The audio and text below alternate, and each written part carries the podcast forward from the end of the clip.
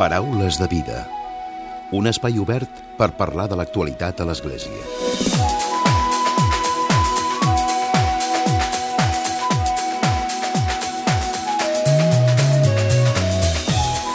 Tal? Salutacions i molt bon dia, molt bon diumenge. Avui volem conèixer una de les propostes de la programació de l'any Raimon Pànicar. Recordem que aquest 2018 diferents actes recorden el centenari del naixement d'aquest pensador. Avui coneixerem concretament la proposta que fa la cantant Lídia Pujol amb Iter Luminis, la cerimònia de la llum. És un espectacle musical i poètic que porta com a reflexió i com a missatge la importància de la convivència entre cultures i pobles i també la necessitat d'una lectura actual de símbols religiosos i també culturals. Panícar, poeta i fangador, Orient i Occident so, que és la proposta que ens presenten aquest proper dimarts, el dia 17 de juliol, en el marc del Festival Grec. A dalt de l'escenari veurem Lídia Pujol, també acompanyada de Dani Espasa, de Pau Figueres, de Xavi Lozano, d'Ismael Alcina, d'Eloi Flores i amb Marçal Allats. Aquesta producció compta amb la col·laboració de la Fundació Vivarium Raimon Pànicar, fragment editorial i també la Direcció General d'Afers Religiosos de la Generalitat.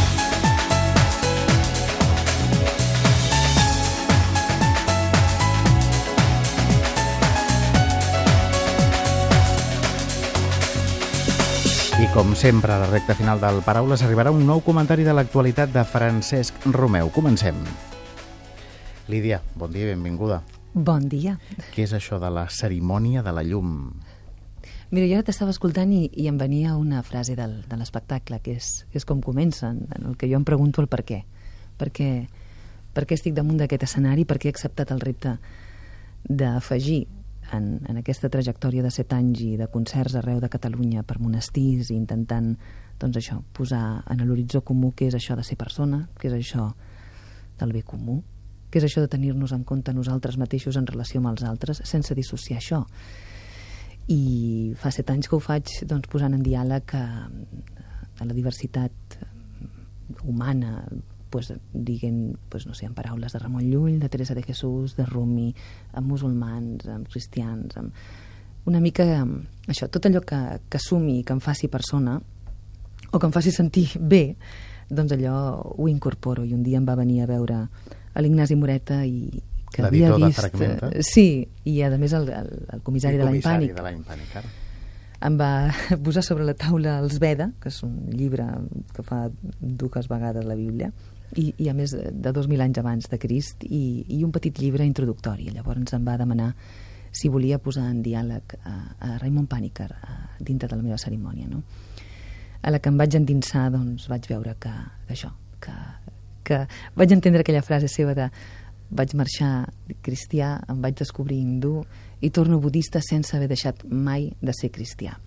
Què? Pues perquè tot allò que ens fa créixer, eh, tota aquella diversitat que suma, doncs allò ens fa persones i allò, doncs evidentment no t'has de posicionar ni en una porteria ni en una altra. No va d'això. Va de transcendir precisament les porteries sense deixar-les de vista. O sigui, és una mica anar més enllà de l'arrel, partint de la cultura, partint del gènere, partint de la particularitat de cadascú, d'allà on ens hagi tocat néixer, però sempre aspirant a un horitzó comú en el que hi cap la diversitat. Aquest és, aquesta és l'utopia i aquesta és la dinamització personal. I comença l'espectacle dient com es pot seguir un camí contemplatiu, filosòfic, artístic, poètic, fins i tot religiós, quan el món demana a crits acció, política, compromís, i inversament, com es pot eh, treballar per un món millor o per la necessària revolució quan el que més es necessita és una intuïció serena i una valoració, i una valoració correcta.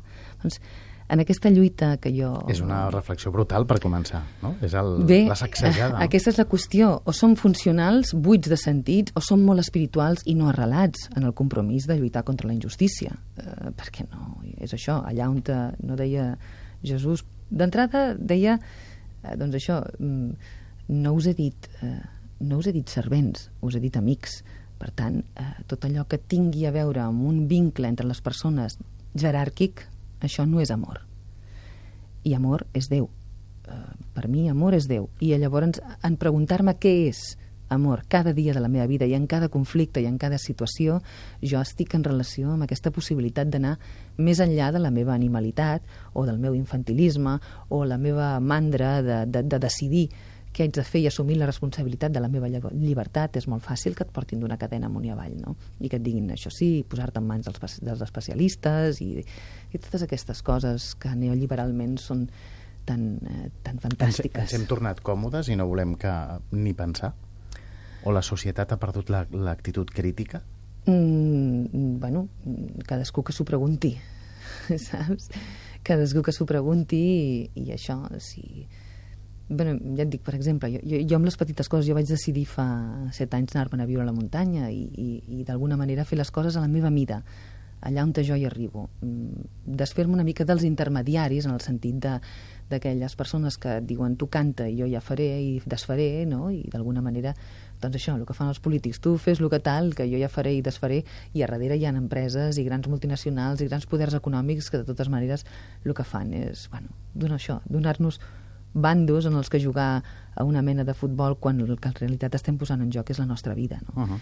I, I com va ser el, el procés? En el moment que parles amb l'Ignasi, li comenceu a donar forma, mm. eh, els textos de, de Raimon Pànicar, com, com ho com ho fas, Lídia? Mira, eh, això és el que et deia, quan, quan resulta que estàs en relació amb aquest procés d'humanització de la humanitat, eh, t'adones compte que tot va a parar al mateix lloc.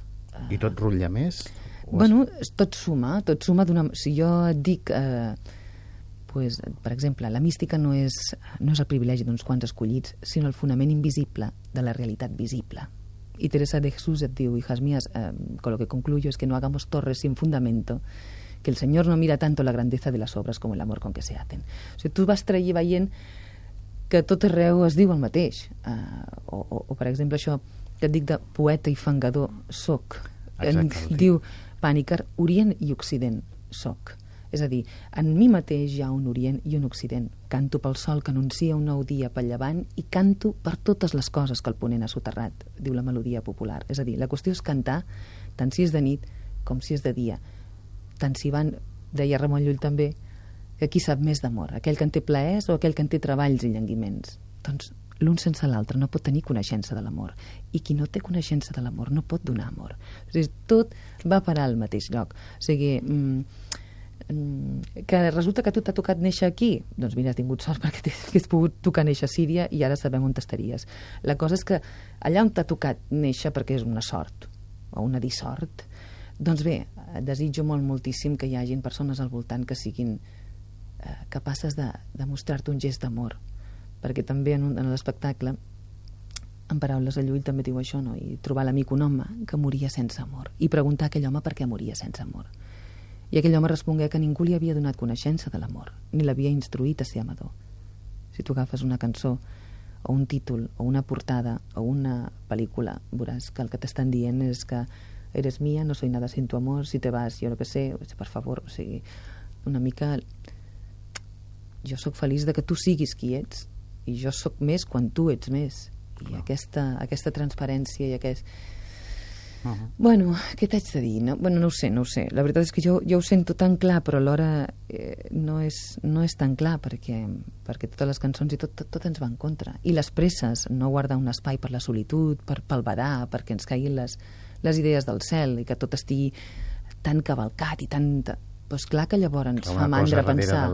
Clar que llavors quan, quan arribes rebentat a casa, ara què? Ara tengo que decidir no sé què? Bueno, que lo haga otro, ¿no? I que me diga lo que tengo que hacer. Uh, és que tot això està muntat així. I llavors ens doncs, passa això, que jo tinc la sort de, mira, de no tenir fills, de no tenir compromisos, de poder viure una vida amb els mínims gastos i amb la màxima llibertat possible però... I això és el que dona la màxima llibertat, no? Sí. El fet de, de prescindir de, de moltes coses, no? tenir tant, doncs, també et fa vigilar Esclar, tant. No? I, I no tenir gens també et fa només pensar en què, què poses a dintre de la panxa, no?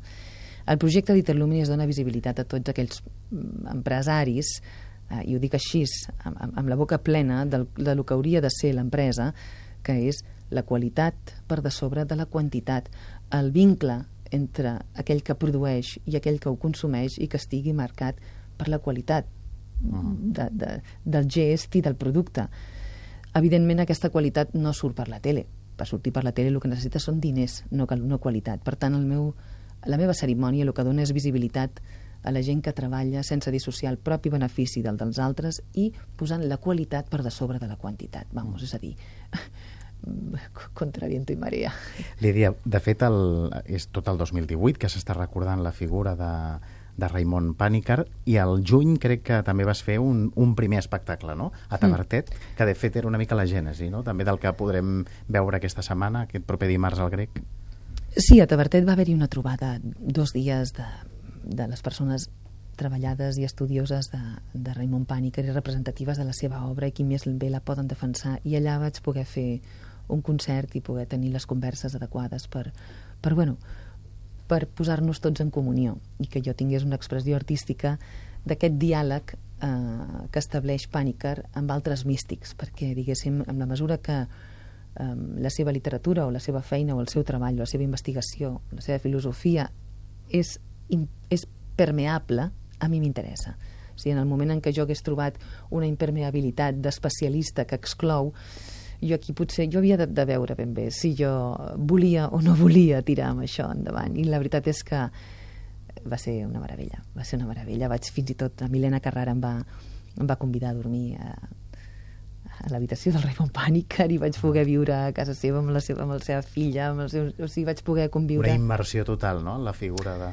Gairebé. Sí, sí, però, però experiencial. Pensa això, que jo no sóc un especialista en res eh, jo sóc una, una, una dona entusiasta i, i apassionada i llavors doncs tot em desborda i tot allò que té vida i llum, doncs cap allà vaig, no? I moltes vegades no m'hi puc quedar molta estona perquè no sé quant temps em queda de vida, però el temps no és hora, és vida. Uh -huh. I això, el, el llegat de, de Raimon Pàniker, de Raimon Pàniker, que és doncs, sobretot interreligiós, intercultural, el que dèiem ara, no? aquesta mm. convivència amb les, amb les diferents cultures. Creus que la societat no el coneixem prou i que potser aquest any dedicat a ell, a la seva figura, pot fer que la gent s'hi acosti i el conegui, conegui la seva figura? perquè és un dels pensadors més importants, sí. també, no? De... Jo crec que és molt interessant acostar-se a Raymond Pàniker i acostar-se a, a, a totes les persones que d'alguna manera el que conviden és a la diversitat, a a créixer en la diferència, a encuriosir-nos per l'altre, no tenir-los por. Llavors, està fent una proclama quasi bé, eh, quasi, és que jo l'he trobat mm, tan fonamental, tan fonamental, que... Eh,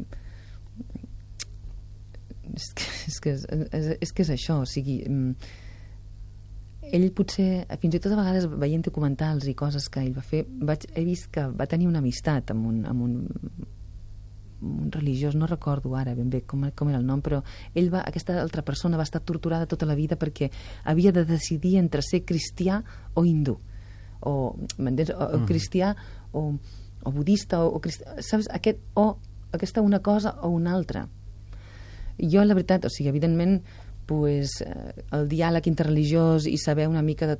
Pues no sé si jo tindré temps de saber ni hinduisme ni mus... però jo confio en que tot allò aquest desig de transcendència que té tothom, l'ésser humà, doncs pren forma mm, al Marroc i pren forma a Catalunya i pren forma a Benarés pren forma... A vegades sembla que potser tenim pudor a parlar d'aquesta transcendència, de que la gent no vol eh, exterioritzar-la? Bueno, perquè està carregada de tants prejudicis, de tanta violència, de tants intermediaris que han cooptat eh, i han fet aquell manament que jo de petit no l'entenia, no dirás el nombre de Dios en vano. Yo decía, en vano, ¿qué es esto del vano? Pues el vano, eh, este, nombre de Dios en vano resulta que es eh, la bandera que, que coge el poder para asesinar a todo el mundo o para someter a todo el mundo o para abusar. Llavors, clar, què té que veure això amb l'amor? Res. El que passa és que... O què té que veure... Eh, què té que veure la política amb la política que tenim? O sigui, què té que veure... Saps? Si, si tu votes algú i resulta que no fa el que ha promès i no tens la capacitat de revocatòria per fotre aquesta persona fora perquè la política que tenim no ho considera, quina mena de política tenim nosaltres? Quina mena d'estat tenim nosaltres? Quina mena de religió que el que fa és anar a decir que que el eje del bien i el eje del mal tan bon punt ens tiren les torres gemeles i de repente se, mm, Són continguts sento... buits, paraules buides?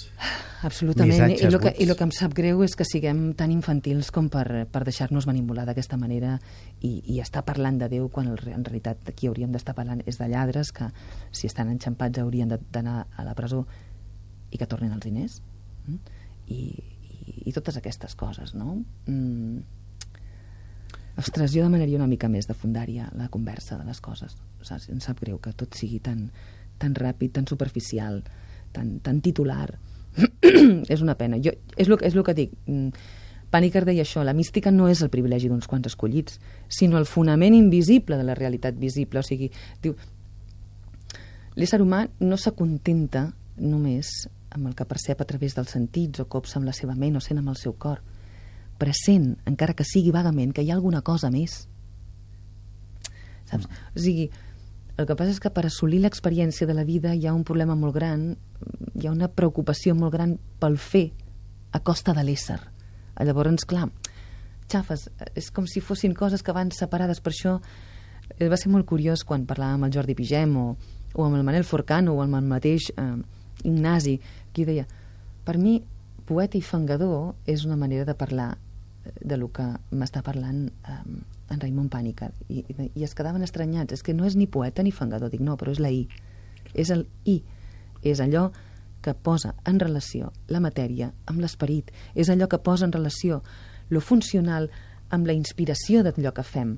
Deia també Raimon Pànica deia l'home està fet de fe tal com és la seva fe, així és ell creu en una cosa o en una altra, però creu. I en el que creu, orienta les seves accions. I actua, tu et retractes, clar, clar mm. tu et retrates. Si tu, el que has, eh, i el que et fa il·lusió i el que t'omple de joia és un cochazo i una tia con un par de peras, pues bueno, pues ahí harás tú tu actuación, però si en tu horizonte hay otra cosa, pues segurament en aquesta societat et costa més, però també és molt més plaent i li dona sentit a la teva vida. Jo l'altre dia deia que em sembla que, tal com estan les coses, aquells que estarem a la presó, perquè no sé què haurem fet, segurament som els que som lliures de veritat i estarem empresonats. Aquesta paradoxa sí. no és cal, cal, tal paradoxa. O sigui, si jo a mi em prohibeixen cantar una cançó i perquè m'ho prohibeixen no ho faig, tindré una llibertat física, però la meva llibertat de la meva dignitat està perduda.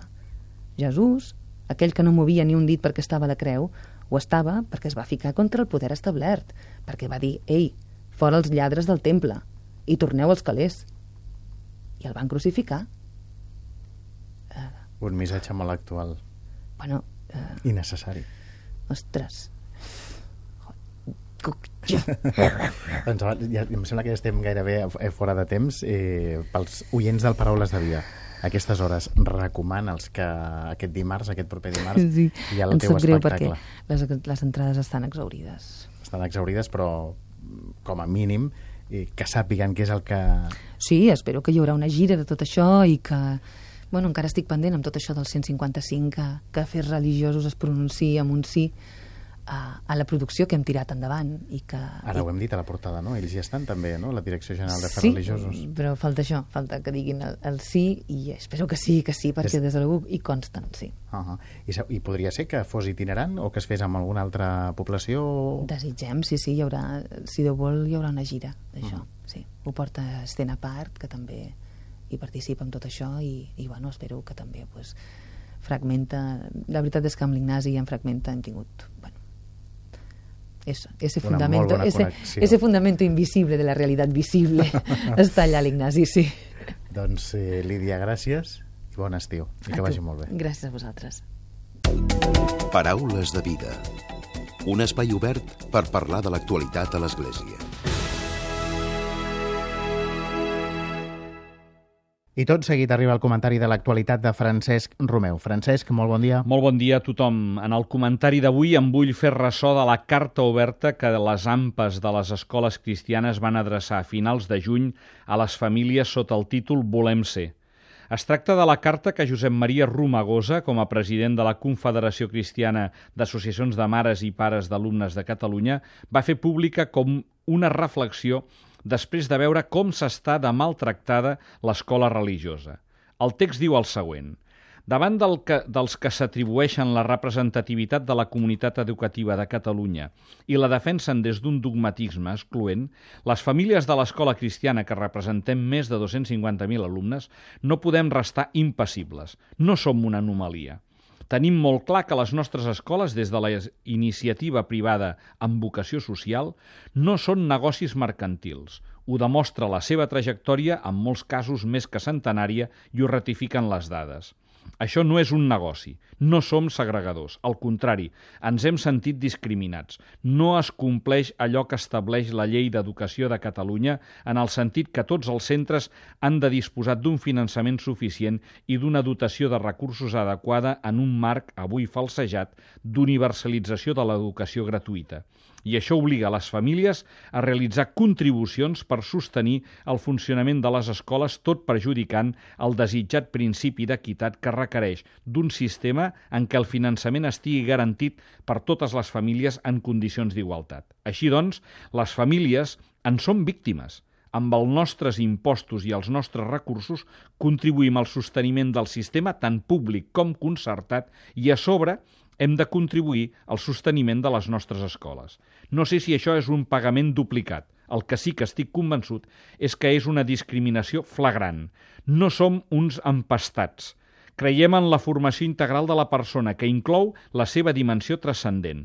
Considerem la interioritat i l'espiritualitat una dimensió fonamental de la persona i element clau en els seus processos de creixement i de maduració. No tenim cap monopoli, ni veritat absoluta només el nostre convenciment i la nostra fe. El rol educatiu de l'escola ha anat augmentant. Es vol formar per saber, però també reclamem la contribució a ser. I això, que no pot ser neutre ni homogeni, sembla topar amb aquells que encara viuen marcats per tòpics massa antics que els situen en el terreny del nacionalcatolicisme i obliden el paper decisiu de l'escola cristiana en l'impuls educatiu de la transició i de la consolidació democràtica i la seva contribució al bastiment d'una escola catalana diversa i inclusiva. La imposició està més que superada. Avui es treballa des de la proposta i l'acompanyament, donant una importància clau al creixement integral de la persona. I les famílies ens sentim molt còmodes i agraïdes amb els compromisos de mestres i professors de les institucions, sense els quals això no seria possible i no em val l'argument de la laïcitat o la confessionalitat de l'Estat. Una laïcitat no ha de ser restrictiva ni excloent, sinó oberta a la diversitat. La confessionalitat de l'Estat mai no pot implicar la confessionalitat obligatòria de les persones. Al contrari, entenc que implica una neutralitat activa, posant-se a disposició dels ciutadans en la garantia dels seus drets i reconeixent, en aquest cas, la importància que pot tenir la vivència d'aquella dimensió espiritual protegint la llibertat religiosa i de consciència. Pel que fa a la relació amb l'administració, Josep Maria Romagosa diu «No som subsidiaris. Estem convençuts que l'administració no pot pretendre controlar-ho tot, amb un model on només allò públic és bo i està ben gestionat, mentre, men, menys preant el valor social de la iniciativa privada. No creiem que l'administració hagi de monopolitzar l'educació ni penalitzar les iniciatives que sumen. Creiem en una administració que fomenta i aprofita la riquesa de les iniciatives de la seva gent i del seu teixit social, que a partir de la seva singularitat doten al conjunt, la comunitat, d'una pluralitat que l'enriqueix.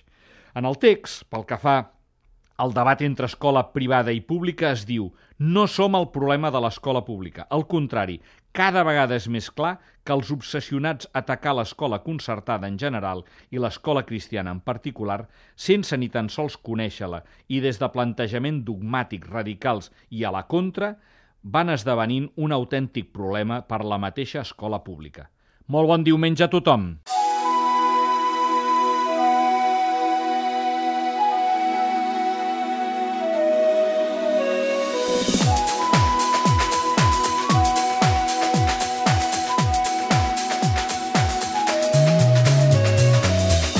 Fins aquí el Paraules de Vida d'aquesta setmana, d'aquest diumenge. Com sempre, gràcies per la vostra companyia. En Jordi Mas ha estat el control tècnic i qui us ha parlat, l'Emili Pacheco. Que passeu bon diumenge i molt bona setmana.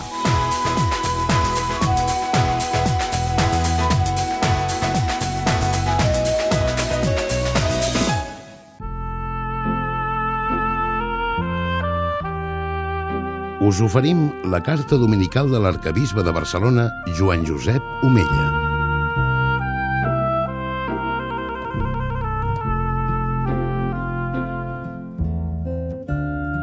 Déu vos guard. Aquests dies d'estiu he recuperat un conte preciós sobre la felicitat que voldria compartir amb vosaltres. És la història d'una nena que va sortir a fer un passeig. En el camí es va trobar amb una papallona presa entre els esbarcers que agitava les delicades ales sense aconseguir alliberar-se'n. La nena va agafar amb cura la papallona i la va deixar anar. Ja lliure, la papallona es va convertir en una fada que agraïda va dir a la nena «Vull agrair-te la teva bona acció. Demana'm el desig que més vulguis. Te'l concediré.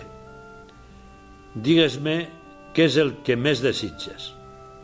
Obrint els ulls, sorpresa, la nena va dir «Vull ser feliç. Digues-me quin és el camí de la felicitat». La fada li va xiu-xiuejar a cau d'orella el secret de la felicitat i va sortir volant. Des d'aquest moment, la nena va començar a ser una altra. Sempre estava alegre. Ningú al poble era tan feliç com aquella nena. La gent va començar a interessar-se i, encuriosida, li preguntava contínuament per què era tan feliç. Però la nena evadia sempre la resposta dient que era un secret, el secret de la fada. Així va arribar a Belleta i seguia sent la persona més feliç del poble, tot i que en la seva vida no van faltar les dificultats i contratemps. Temerosos que morís i s'emportés el secret a la tomba, la gent del poble li insistia més que mai que revelés la fórmula de la felicitat. Per fi un dia la velleta, somrient, va accedir a compartir el secret. El que li va explicar a la fada era molt senzill, però havia estat el motiu de la seva felicitat al llarg de tota la vida. La fada li havia dit a cau d'orella encara que les persones semblin autosuficients, no t'ho creguis. Tots et necessiten. La velleta va afegir que sempre havia viscut amb la seguretat que tots la necessitaven. M'he donat a ells i això m'ha fet feliç. Aquest conte ens ensenya que per ser feliços no necessitem aconseguir gran coses ni costoses adquisicions. Aquest relat ens mostra com ens necessitem els uns als altres – que important és fer el bé i ajudar-nos mútuament. És bo i necessari que reconeguem el do que Déu ens ha donat per compartir-lo amb els altres. El temps de vacances pot ser el moment oportú per demanar a Déu que ens ajudi a descobrir els dons que hem rebut. El papa Francesc ens diu solament a partir del do de Déu lliurement acollit i humilment rebut, podem cooperar amb els nostres esforços per deixar-nos transformar més i més. Benvolguts germans, l'estima entre nosaltres, la fraternitat entre els membres d'un mateix poble, és signe i força de la comunitat cristiana. L'amor de Déu ens supera infinitament. No pot ser comprat per nosaltres amb els, les nostres obres i solament pot ser acollit com un regal de la iniciativa del seu amor. Us hem ofert la carta dominical de l'arcabisbe de Barcelona, Joan Josep Omella.